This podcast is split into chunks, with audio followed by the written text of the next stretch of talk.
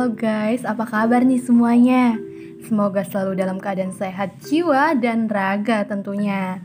So, selamat datang kembali di episode podcast dari sudut psikologi kali ini.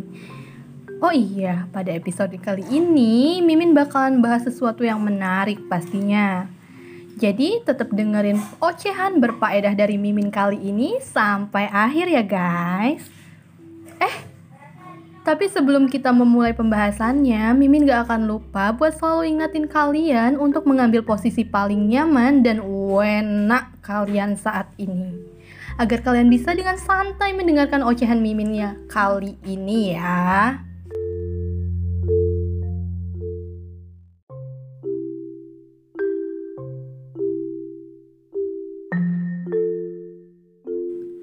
Oke, jadi kali ini kita akan berbicara mengenai Takdir. Hmm, kita semua tahu ya bahwa takdir itu sendiri kan sudah ada yang menentukan. Sudah ada yang mengatur lah istilahnya.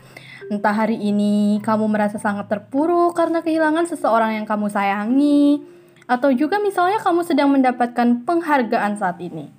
Itu semua telah ditentukan oleh Yang Maha Kuasa. Tapi pertanyaannya, apakah selama ini kita sudah menerima dengan baik akan takdir-takdir itu? Maksud Mimin, takdir pahit yang sudah menimpa kita, sudahkah kita menjadikan itu semua sebagai pelajaran dan mengambil hikmah dari kejadiannya? Karena seperti pepatah yang sering sekali kita dengar bahwa setiap kejadian itu selalu ada hikmah baik di dalamnya. Nah, karena setiap orang paham akan rasa timpa takdir pahit, tapi tidak semua orang bisa berdamai dengan takdir tersebut. Contohnya nih, saat kita kehilangan seseorang yang kita sayangi, kita selalu merasa bahwa kita kehilangan separuh dunia yang kita miliki. Itu memang menyakitkan dan sangat mengecewakan ya. Tapi percaya deh, saat kita mulai terbiasa dan mulai berdamai dengan keadaan lewat cara mengikhlaskan, hmm, percaya bahwa itu takdir, maka semuanya terasa lebih ringan. Nah, jadi tugas kita itu hanya perlu ikhlas dan berdamai. Oh iya, ngomongin soal kehilangan, Mimin jadi ingat cerita Eril yang baru-baru ini mengoyak hati seluruh umat manusia ya guys. Kabarnya bahkan sampai saat ini Eril belum juga ditemukan. Tapi terlepas dari bagaimanapun keadaan Ariel sekarang, kita bantu dengan mengirimi doa-doa yang terbaik. Juga bagi keluarga yang sedang mengalami masa sulit ini, semoga selalu diberi ketabahan dan keikhlasan. Amin.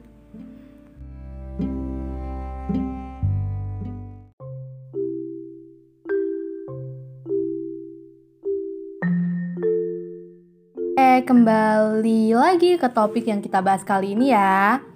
Jadi, teruntuk kalian semua yang masih sangat sulit untuk berdamai dengan keadaan, jangan risau. Karena apa? Karena Mimin sudah siapkan beberapa ajian yang mungkin bisa kalian gunakan untuk ke depannya. Penasaran? Oke, jadi beberapa ajian tersebut adalah yang pertama, kita harus selalu sadar bahwa kecewa, kegagalan, dan duka merupakan bagian dari hidup yaitu tidak ada pilihan lain selain kita harus menerimanya dengan baik. Jadi memang sadar, kita harus sadar bahwa kekecewaan, kegagalan, duka, pahitnya hidup itu memang dari bagian hidup kita. Jadi kita harus selalu sadar dan menerimanya. Oke, yang kedua, mengakui dan memaafkan masa lalu. Tuh, Nah, karena itu semua merupakan bagian dari perjalanan hidupmu yang akan menuntunmu menuju jalan yang lebih baik lagi. Jadi kita harus bisa mengakui masa lalu kita dan memaafkan itu semua ya, guys. Yang ketiga yaitu bersyukur dan tidak membandingkan diri dengan orang lain. Karena apa ya? Ya karena semua manusia diciptakan berbeda Begitu pula kelebihan dan kekurangannya. Jadi kita harus bersyukur, menerima, memaafkan, mengakui dan tidak membandingkan diri dengan orang lain. Karena kelebihan dan kekurangan seseorang itu berbeda-beda. Nah, jadi Itu beberapa dari ajian yang sudah Mimin rangkum dari beberapa referensi. Hmm, tapi sebenarnya ada banyak lain yang harus tertulis. Tapi Mimin ambil intisarinya aja ya, dan Mimin rasa tiga yang sudah Mimin sebutkan barusan adalah hal yang terpenting. Oh iya, terakhir Mimin mau bilang untuk kalian semuanya. Yang pada bulan baru kali ini masih belum baik-baik saja, tetap semangat karena kamu nggak sendirian. Terus selanjutnya, jangan terus merusan menyalahkan diri sendiri dan membuat diri sendiri jadi terpuruk. Karena perjalananmu menuju hari penuh kebahagiaan masih panjang, percaya deh.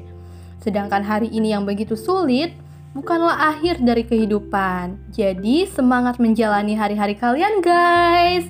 Oke, sampai jumpa pada episode dari Sudut Psikologi selanjutnya. Salam sehat semuanya. See you.